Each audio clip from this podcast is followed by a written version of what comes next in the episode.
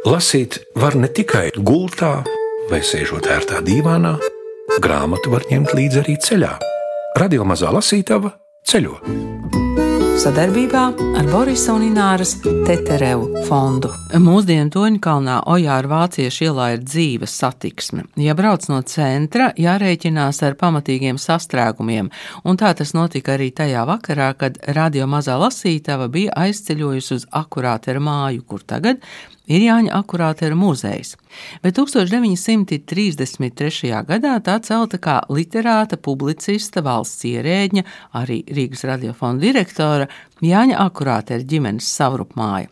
Akurāters vēlējies, lai mājā būtu gaisma, un tā tur arī ir, lai māja būtu būvēta no koka, un šo uzkalniņu viņš izvēlējies tāpēc, ka te augusi priede.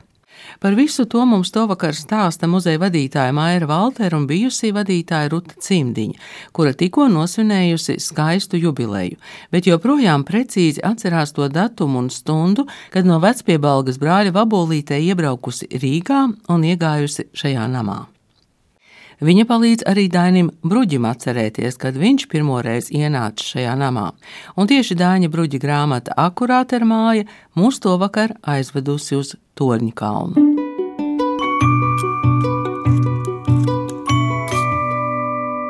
Wernera Vītanda spēja ar pavisam vienkāršiem paņēmieniem radīt telpā vēlamo atmosfēru apliecina arī niša zāles austrumsienā un tās stūrī iebūvētais kamīns. Vieta, kur viesību laikā apsēžoties uz to laiku te novietotās tahtas, mazākas kompānijas varēja nodalīties intīmāku sarunu risināšanai vai vienkārši klusējot, lūkoties kamīnā kvēlojošajās oglēs. Tieši šādu ainavu savā atmiņā ieskicējis viens no akarātera mājas biežākajiem viesiem rakstnieks Jānis Rudzītis.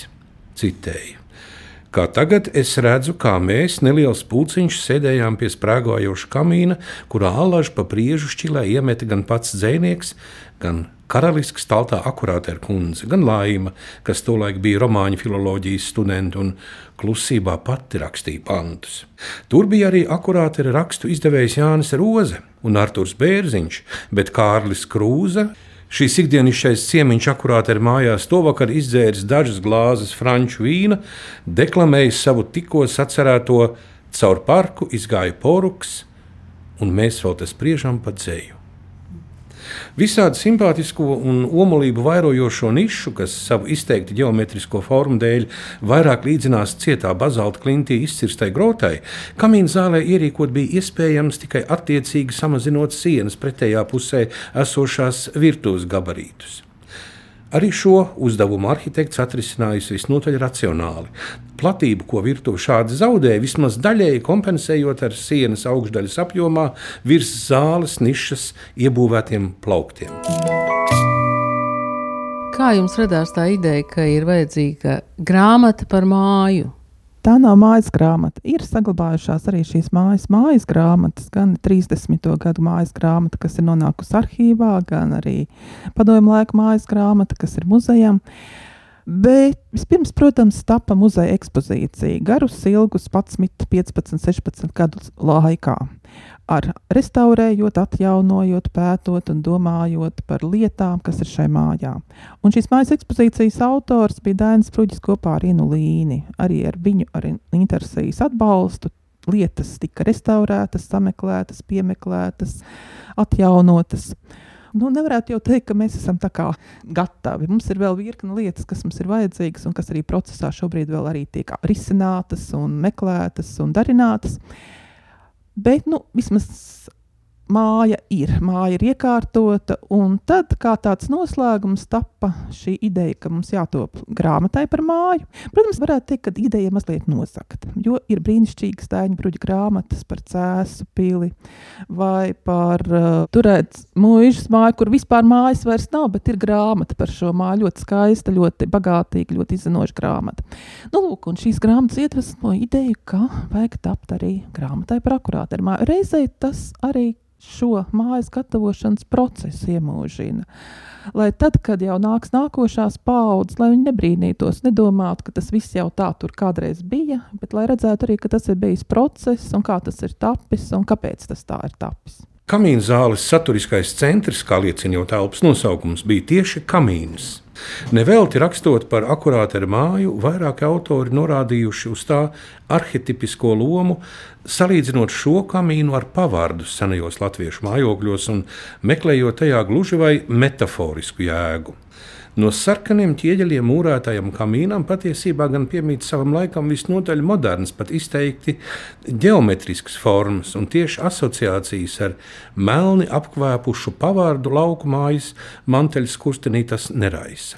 Tomēr nevar noliegt, ka komplektā ar sīvu imitācijām kamīns tik tiešām piešķir zālē senatnīgi romantisku nokrāsu, radot sajūtu, ka esi nonācis nevis moderna torņa kalna nama viesistabā, bet gan kādā sēlijas vecsaimnieka saimas istabā, no kuras krāšņainajiem stūriem uz viesi labvēlīgi nolūkojas viņa tālos senču ēnas. Pēc muzeja rīcībā esošās informācijas iespējamais kamīna projektētājs bijis akurāta draugs mākslinieks Niklaus Strunke. Tā varētu būt. Šādas atmiņas par stāstu ir uh, dokumentējis Oskars Kalējs. Mēs jau redzam blakus kamīnam kādu fotografiju, un tā ir Grosvalda mm, zīmējums Strēlnieku zemnīca, būtībā Strēlnieku lazarete. Un, ja mēs ielūkojamies šajā zīmējumā, tad arī mēs redzam līdzības ar kamīnu. Tā kā kamīns nav tikai, manuprāt, strunkis izdomāts. Akurātram bija ļoti svarīgi atcerēties notikumus savā dzīvē, un īpaši ar to, kas saistās ar strēlniekiem. Lai arī tā formas jauki sabalsojas ar to laika aktuālā art deko stila meklējumiem, kamīna tiešais prototyps visticamāk bija Pirmā pasaules kara gados karavīru zemnīcās lietotās taupības krāsniņas, pie kādām gan strunki, gan akurāters paši sildījās Ziemassvētku kauju laikā. Tātad kamīna zāle mums ir aiz muguras. Jā. Mm, viena versija bija izsēdēt kamīna zālē, bet laikam tā sajūta, lai būtu daudz gaismas, mēs esam šeit verandā. Tas uh, daudz gaismas, tas bija arī pašam akurātaram ļoti svarīgi. Jā, nenoliedzami gaisma, jo viņam pat ir uh, stāstu krājums, kas tā arī nosaukts - klusums un gaisma.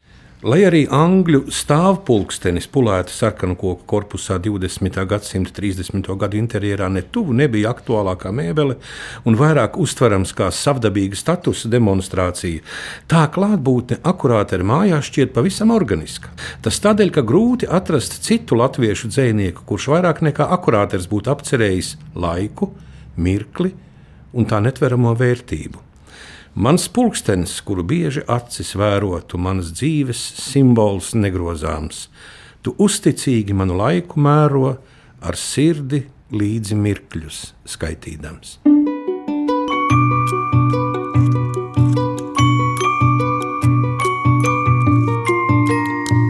Radio Mazā Lasītava Esam akurātera mājā. Pateicoties akurātera ģimenes īpašajai attieksmē ne tikai pret vēstulēm un grāmatām, bet pat pret zīmoli, ar kuru akurāters rakstījis, pateicoties vēlāko gadu mājas iemītniekiem, īpaši Račevsku ģimenei, nams un daudzas lietas tajā saglabātas sākotnējā izskatā. Protams, tagad veiksmīgu projektu rezultātā daudz kas restaurēts, izpētīts un atvērts apmeklētājiem. Radio mazo lasītavu akurāteru muzejā uzņēma muzeja vadītāja Maira Valtere un grāmatas akurāteru māja autors Dainis Bruģis. Bet, ja līdz šim no akurātera esat dzirdējuši tikai par kalpa zēna vasaru, arī tas nekas, jo pat līdz šī raidījuma beigām mēs jau būsim kopā ar Gundaru Āboliņu izlasījuši akurātera tēlojumu kā stundas skrien un uzzinājuši, ka 1918. gada 20. novembrī presē tiek drukāts pirmais romāns, un tas ir akurātera Pēteris Danga. Bet vispirms gan esot tapis stāsts Pēteris Danga. Šodien es satiku Pēteri Dangu uz stacijas trepēm. Es gaidīju kādu citu, bet satiku viņu, un mēs apstājāmies kā siltas dvašas apņemti. Viņš tikko bija iebraucis tur no augšas, no Inflantijas puses, kur dzīvoja pastāvīgi zilajiem mežiem par draugu. Viņš smaidīja. Bija tikko nolījis pirmais pavasara lietus, un pat ielas akmeņi bija pilni ar savādu atmirdzu un likās sasildīti no agrā aprīļa saules. Katrs troksnis dzīvi un dzirdami atsaucās gaisā un cauri lietus siltajiem tvaikiem. Priekšpusdienas saule tecināja kā kūstošu vasku savu dievīgo siltumu. Un šai savādajā rāmī, kā ģīmetne, stāvēja viņš. Nelielā soma pie rokas, pār plecu ceļa seks un galvā viegli cepuri un sejas. Sejas skaistā bārdā ierāmēts, un kas vēl gandrīz pūkam līdzīga bija. Atgādināja dzeltenu meža vanagu, pat mazliet vidū uzliektais deguns to rādīja kas laižas sauļā un tālu lūko viņa skatiens. Sejs nebija pilnīgs viņam kā agrāk, kad tikko pirmā jaunība viņā brieda. Tagad tas bija daudz sapratis, maldījies, atzinis un cietis, un ap lūpām likās iemidzis ironisks smaids, kas kā nātra var dzelt. Apģērbs viņam bija ar gaumi vienkāršs un nevainojams. Nemaz tik zemniecisks nebija šis mans mīļais Pēteris Danga, kā likās.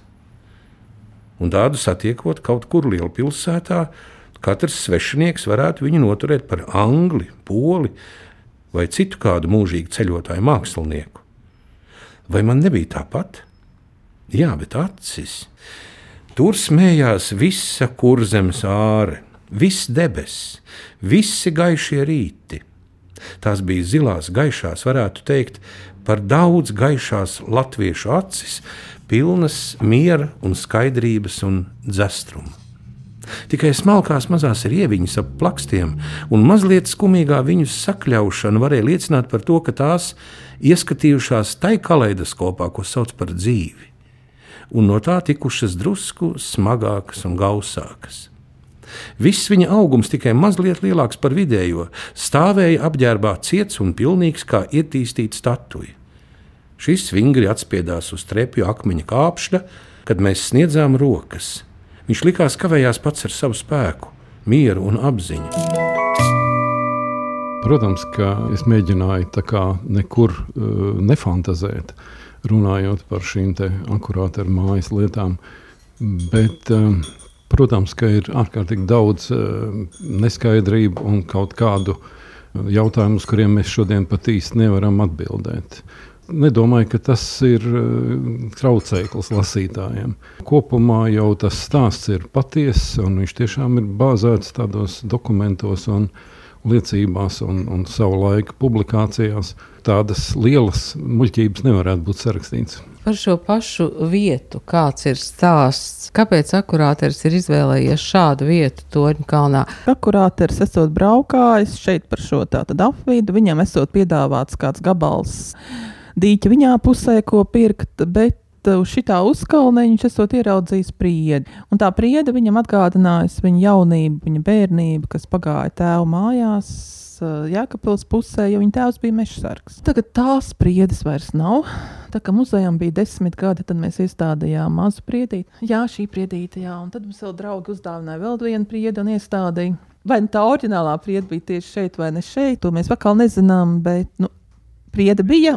Redziet, arī tās latviešu zemnieku mājas, tās sētas ir būvētas jau tomēr kaut kādā uzkalniņā. Vienmēr viņas ir tā jauki iesēdināts, mazliet tā kā uzkalniņā, mazliet tā kā aizvējiņā. Protams, ka vieta jau pēc būtības ir ekscelenta. No visiem viedokļiem viņa ir tuvu centram, un samērā liels tas ambūs gabals ir. Ir šis uzkalniņš, ir koki. Ja? Nu, tās ir lietas, ko ne visur var dabūt. Ja? Varbūt meža parkā, bet nu, tā jau ir tāda atkal mazliet citu līmeņu teritorija. Jūs teicāt par tiem neatbildētajiem jautājumiem. Jūs par kādu varat pastāstīt? Patiesībā jaukākais, kas arī šajā grāmatas tapšanas laikā bija, ka daži jautājumi, kur mums bija pirms tam, rūpīgi meklējot, rodot, rada savu atbildi. Un uz dažiem jautājumiem, kuriem šķita, nu, nu diez vai uz tiem varēs atbildēt kādā brīdī, atbildes vienkārši uzrādās. Jau domāt, ka uzdod jautājumu pasaulē, un kādā brīdī viņi tev atbild, nu, piemēram, par gaišā salona mēbelēm. Es tā, gribu, lai Dainis izstāsta. Par gaišā salona mēbelēm nu, bija tur tāds viens eh, raksta gals no vienas vēstulītes, ka šīs mēbeles, nu, no kā varēja secināt, ka šīs mēbelītes ir nopirktas konkrētā gadā, neatceros, kurā tieši Jelgavā. Ja? Runa par tiem laikiem, pa 30. gadu sākumu. Man bija tā iespēja piedalīties arī mazliet šo mēbeļu restaurācijā, kas bija tāds garš un sarežģīts process, jo viņas bija diezgan nežēlīgi gan pārkrāsotas, gan pārtapsētas tādā nepārāk varbūt veiksmīgā veidā. Un tad, kad tās mēbelītes bija pajauktas, tad tur iekšpusē atradās ar zīmolīti rakstīts teksts. Un to tekstu es, protams, nevaru gluži no galvas nocitēt. Grāmatā viņš, manuprāt, ir citēts. Tur bija trīs eh, vietējās valodās, latviešu, vāciski un krieviski, tādā jauktā veidā. Bija, jā, būtu jau, būt jau jauki, ja gamsi, bet uh, es pat neatceros. Man liekas, ka tas uzvārds bija krieviski rakstīts Gerhards, tātad Gerhards. Un viņš bija tapsētājs, nevis šo mēbeļu izgatavotājs. Viņš bija nolēmis tomēr iemūžināt savu vārdu un konkrēto gadu, un tur vienīgi bija izlūzts gabaliņš no datuma, bet tas varbūt nebūtu tik ļoti svarīgi. Nu jā, tā izcelsme nebija skaidra. Mēs varējām tikai minēt. Ja? Un, protams, ka 20. un 30. gados šīs antikvārās lietas ļoti mīlēja nu, daudz latviešu sabiedrības teikt, pazīstami locekļi un īpaši inteliģents. Un labprāt viņas iegādājās, un no kurienes viņas nāca. Jā. Lielākā daļa mēbeļu un citu lietu nāca, protams, no Latvijas mūžām, jā, jo pēc agrārās reformas. Kā mēs varam iedomāties, ja šīs pilis pārsvarā palika tik nodotas valsts e, īpašumā, šie mužnieki saglabāja 50 līdz 100 hektārus maksimāli zemes, un to viņi nevarēja, protams, savu iepriekšējo dzīves līmeni nodrošināt, un daudz kas aizgāja pa rokām. Bet tas pats interesantākais atklājums, protams, nāca um, vēlāk. Tas nāca tikai šogad, kad um, pētniece, ļoti uh, izcila pētniece, Kristīna Zaļuma, izdeva savu kārtējo grāmatu. Grāmata saucās Dod Dievs nekļūdīties, Vidzemes mūžs un to bibliotekas, ja nemaldos, bibliogrāfisks retums. Nacionālā bibliotekā, es ceru, vēl ir pieejams. Un tur ir ārkārtīgi bagātīga faktoloģija par nosaukumā minēto tēmu. Un es šo grāmatu, nu, man autori viņu uzdāvināja, es ar pateicību pieņēmu, un tai pašā vakarā rūpīgi viņu izšķirstīju. Un pēkšņi es uzduros vienai fotografijai. Tā fotografija gan nebija, šeit ir fragments tikai no nu, tāds samērā neliela izmēra attēls. Un pēkšņi man kaut kas tāds aizķerās. Sameklēju lupu un tad apskatīju rūpīgāk, un pēc tam es ieskanēju to bildīt un pievilku vēl tuvāk. Un tā. un, un tiešām tās ir tās pašas mēbeles. Tas ir Reņģis pilī. Uh, ir tāda vieta, es pat baidos, vai viņi šolaik sauc par reņģi, vai viņi nesauc par rubu. Vismaz kādreiz bija tā. Tas ir saldus, nu, tā saldus puse, ja tur lejšmāli jau. Un, jā, jā, tieši tā. Tur ir arī tāda mūža, un tur ir ļoti skaista uh, 880, ja nemaldos, otrajā gadā celta tāda eklektikas eh, pilsēta. Starp citu, viņi nesen tika nopārdoti. Kaut, pārgāja kaut kādās privātās rokās. Kārtējais tas veiksmes stāsts, kad skola beidz pastāvēt un nu, pēdiņās veiksmes stāsts. Ja. Nu, gaidīsim, kas tur tālāk notiks. Es te atradu, lūk, tieši kā jūs teicāt. Uz sēdekļa vainaga saglabājās tikai datuma pirmais cipars, divi, bet otrs ir zudis kopā ar šajā vietā izlūzušu koksnes fragment. Tā jau ir atsauce, jau precīzāk. Jau. Ar grafīta zīmolu rakstītais teksts atrasts uz viena no diviem krēsliem ar ovālu atzveltni un fiksēts akurāti ar muzejam iesniegtajā restaurācijas pasē. Es palasīšu vēl vienu mazu gabaliņu. Laimīga nejaušība nesen palīdzēja noskaidrot arī šo mēbeļu izcelsmi. Proti, ka tās sākotnēji piederēja Reņģis mūžas īpašniekam baronam Voldemāram von Nolkenam. Un rotāja viņa 1881 līdz 82. gadam celtās Reņģis pilsētas interjeru. Un tālāk interesanti, kad mūžībā viena pēc otras bija aizsauktas gan Laima, gan Marija Anna, un fanātisms ar kādu dzinieku mantas tika sargātas no iespējamas izvazāšanas nedaudz mazinājās, interesi par gaišās salona mēbelēm sāka izrādīt dažādi ļaudis. No to laika mājā dzīvojošā sakurāta ar māsas Helēnas vēstulēm uzzinām, ka gaišā salona garnitūra 1973. gada rudenī kinostudijas vajadzībām gribēja iegādāties kino pārvaldi, taču piedāvātā summa 500 rubļu likās pārāk maza, un mēbeles tā arī palika nepārdotas. Pusgadu vēlāk, 1974. gada aprīlī, vēlmi iegādāties skaistās mēbeles izteica tolaik mājā dzīvojošais korģiriģents Edgars Rečevskis, kurš, kā raksta Helēna, esot piedāvājis par tām norēķināties pat valūtā. 1974. gadā. Vai mēbeles tika pārdotas par dolāriem vai tomēr par padomi rubļiem, skaidru ziņu nav. Taču garnitūru Račevski nopirka. Turklāt, būdami bez pieredzes antikvāra priekšmetu restaurācijas jomā, nodeva tās atjaunināt toreizējā operas un baleta teātra dekorāciju darbnīcā. Paskat, kur tās ir izceļojušās pieraduši strādāt ar visai robustām, tikai iztālēm, skatāmām skatuves dekorācijām, teātris, un te man arī jālieto pēdiņas meistari.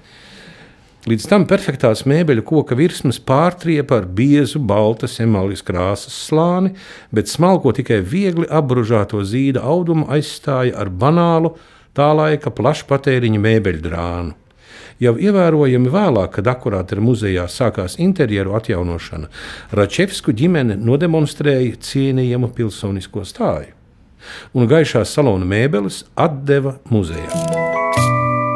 Nu, tad, protams, ir ļoti laimīgs stāsts arī, kad māja 87. gadā nonāk muzeja īpašumā. Nu, sākotnēji gan kultūras ministrija to nopērka, lai Raina literatūras mākslas vēstures muzeja šeit ierīkot darba telpas. Nu, reizē ir labi, ka nonāk muzeja īpašumā, un reizē tur tie daži gadi varbūt arī ir viss skumjākie savu muzeja stāstā, jo muzejs no akurāta ir mazdēla paņem tikai vienu daļu no lietām, bet tajā brīdī varēja arī vēl, arī vēl virkni citas, bet tajā brīdī nedomā, ka jāiekārto ar akurāta ir muzejs. Šeit vajag darba telpas restauratoriem, rāņu izpētes nodaļai, un burtiski paiet pāris gadi. 91. gadā muzeju atvēra, bet tad jau arī daļa mēbeles jau ir Lietuvā, un, un, un diemžēl tur ir neatgriezeniski gājušas bojā. Es te atradu vēl vienu fotografiju. Akurāti ar mājā lietotā grīdas spodrināšanas ierīce vai bonierējumā birste. Ietaisas metāla daļu rotā uzraksts V. Steinbergs Rīga, kas liecina, ka tā izgatavota Vilhelma Steinberga uzņēmumā Rīgā. Vilhelms Steinbergs savu pirmo uzņēmumu Pārtiks preču tirgotavu Rīgā Marijas ielā 121 atklāja 28. gada 1. aprīlī, bet 30. gada vidū viņam piederēja uzņēmums Suku un Pinzeļu darbnīca Blaumaņā 29. Tā kā ražotne un veikals atradās blakus namam, kurā no 20. gada sākuma līdz 33. gada rudenim dzīvoja akurāta ar ģimeni, šeit lietotā bonierējumā birsta visticamāk bija noskatīta un iegādāta tieši tur. Tā saka, garām ejot.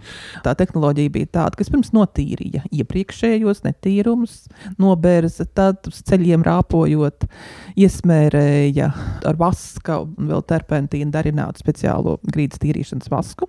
Un tad ļāva viņam pāris dienas ievilkties, jeb kā teiktu, paēst tam parketam. Nu, un pēc tam ar šo birsti, kalpone, spodrināja parketu. Nu, mēs sakām paldies cilvēkiem, mēs sakām paldies arī šai birstei, kad šī grīda kamīna zālē vēl aizvien ir oriģinālā. Pirms mēs lasām kaut ko tālāk, man ir eh, Rutai Cimdiņai jautājums. Ja es Dainim jautāju, vai Dainis atcerās to brīdi, kad viņš pirmoreiz ienāca šeit muzejā, šajā mājā, Ruta, vai jūs atceraties, kad tas bija jums, eh, kad jūs ienācāt? Nu jā, es atceros ļoti labi to brīdi. Tas bija 1997. gada 24. februāris. Ārā bija mīnus 20. Iepriekšā vakarā es biju Vecpiebalgā. Vecākiem bija liela jubileja, un otrā rītā es deviņos biju šeit. Pateicoties brāļa mazai vabolītei, mašīnītei. Jūs pat, pat pulksteni atceraties? Jā, pat pulksteni atceros. Jā, biju par agru atbraukusi. Nu, tas tā vienīgā reize, citas reizes agri nebraucu. Jā, akurat vilknē atradās maza tāda kastīte ar Holandas veidzirnavām. Viņa pat bija salīmēta, bet saglabāta. Tāpat kā daudzas detaļas mēs izrakām tieši šajā mājā. Kādu tur krānu, kas ir vannas istabā, kādu atslēgu un tā tālāk. Mēs mēģinājām to krānu atgriezt, bet tur ūdens neticēja. Kāpēc? Nu, tas tā īpaši. Tas ir tāds, tā ir ceļošana laikā. Dažiem izdodas atgriezt. Nu, kā stundas skrien varbūt palasīt. Iegrimuši akurāti ar mājas verandas mikrēslī un tēlojamākās stundas skrien, mēs pat neesam pamanījuši, ka skaļā satiksme Torņkalnā ir norimusi. Radio mazā lasītava saka paldies akurāti ar muzeja vadītājai Mairai Valterei, bijušajai vadītājai Rutai Cimdiņai, grāmatas akurāti ar māju autoram Dainim Bruģim un visiem, kuri bija klātesoši šajā vakarā. Un te nu mēs varam parakstīties Gundars Āboliņš, Gins Grīvāns, Andis Palējs, Agita Rīta Bērziņa, Nora Mitspapa un Ingvilda Strautmane. Postskriptum. Tiem, kur radio mazo lasītavu klausās internetā, raidierakstos un citos nelineāros formātos, arī šoreiz ilgāka viesošanās akurātē mājā. Kā stundas skrien 247. lapspusē, kā teica Rūta Cimdiņa. Jūs visiem stāstiem zināt labs puses no galvas. Kā stundas skrien Es dzirdu viņu nedzirdamo spārnu švīkstoņu, viņu brāzienu caur telpu, un kā aizšaut putna kliedziens ir viņu gaita un dvēseles klusums. Kas viņus no jums ir redzējis, laimīgie un nelaimīgie? Kaut vienu, no šīm skrejošām stundām, oh, cik skaistas viņas ir.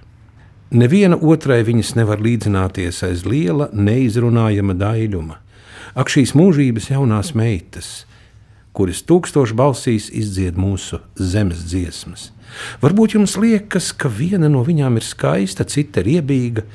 Tad jūs neesiet viņu acīs skatījušies, un neesiet dzirdējuši, kā viņas skrien pulkiem, švīkstēdams un kliegdams caur telpu.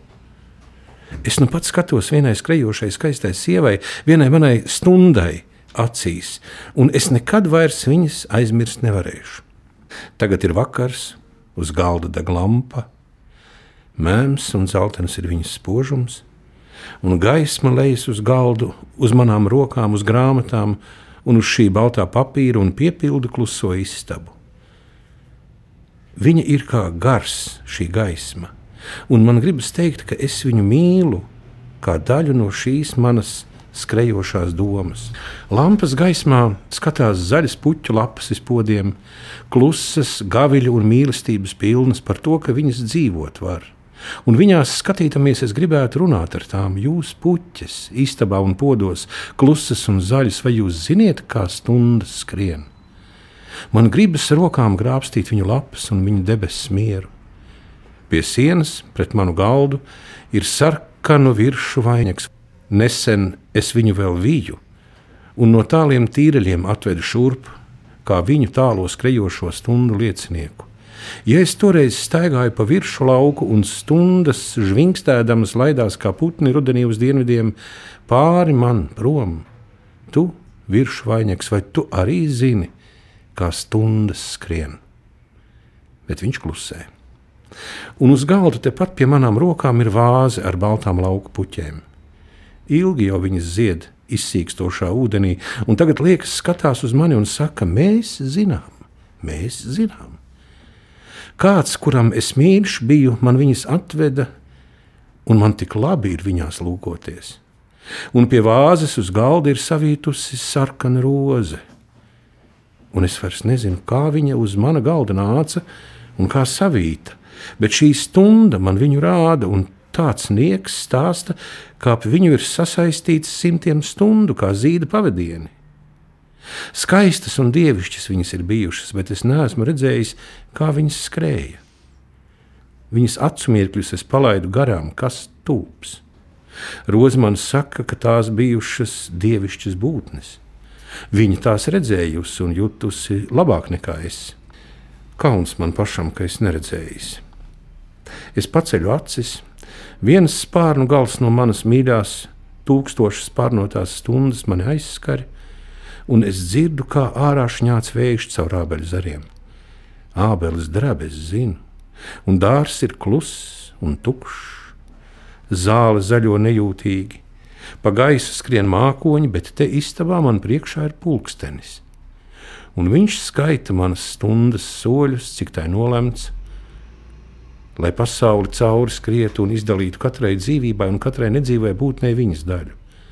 Ko tu sit, mazais niecīgais pulkstenīt? Aizskries stundas ir bez tevis, nevajag. Tad es dzirdu, arī manās miesās ir kāds skaitītājs, manās krūtīs. arī viņš sit mierīgi un nesteigdamies. Ko tu skaiti tur manās krūtīs? Vai tad viņas neaizskries bez tava rēķina? Un vai tad tu nezini, ka tev aptrūks reiz rēķina un spēku? Stunda, stunda, es tevis vairs neredzēšu. Drīz tu būsi aiz mūžības kalniem, un kur skaisti tu biji, kā sirds mīļā. Jūs sirdis tur ārā tumsā un naktī, laimīgās un nelaimīgās, paskatieties sejā šai stundai, cik skaista viņa ir, un nelādiet viņas, jo pie jūsu dzīvības viņa pieder. Paskatieties viņas acīs, un jūs zināsiet, kā dzīvību saprot tikai tas, kas redz, kā stundas skrien. Tā putni skrien rudenī uz dienvidiem, skūpstiet viņas un svētījiet pirms nav par vēlu. Jo stundas skrien, un mēs paliekam. 1907. gads. Lasīt var ne tikai gultā vai sēžot ērtā dīvānā, grāmatu var ņemt līdzi arī ceļā. Radio mazā lasītava ceļo. Sadarbībā ar Borisa un Ināras Teterevu fondu.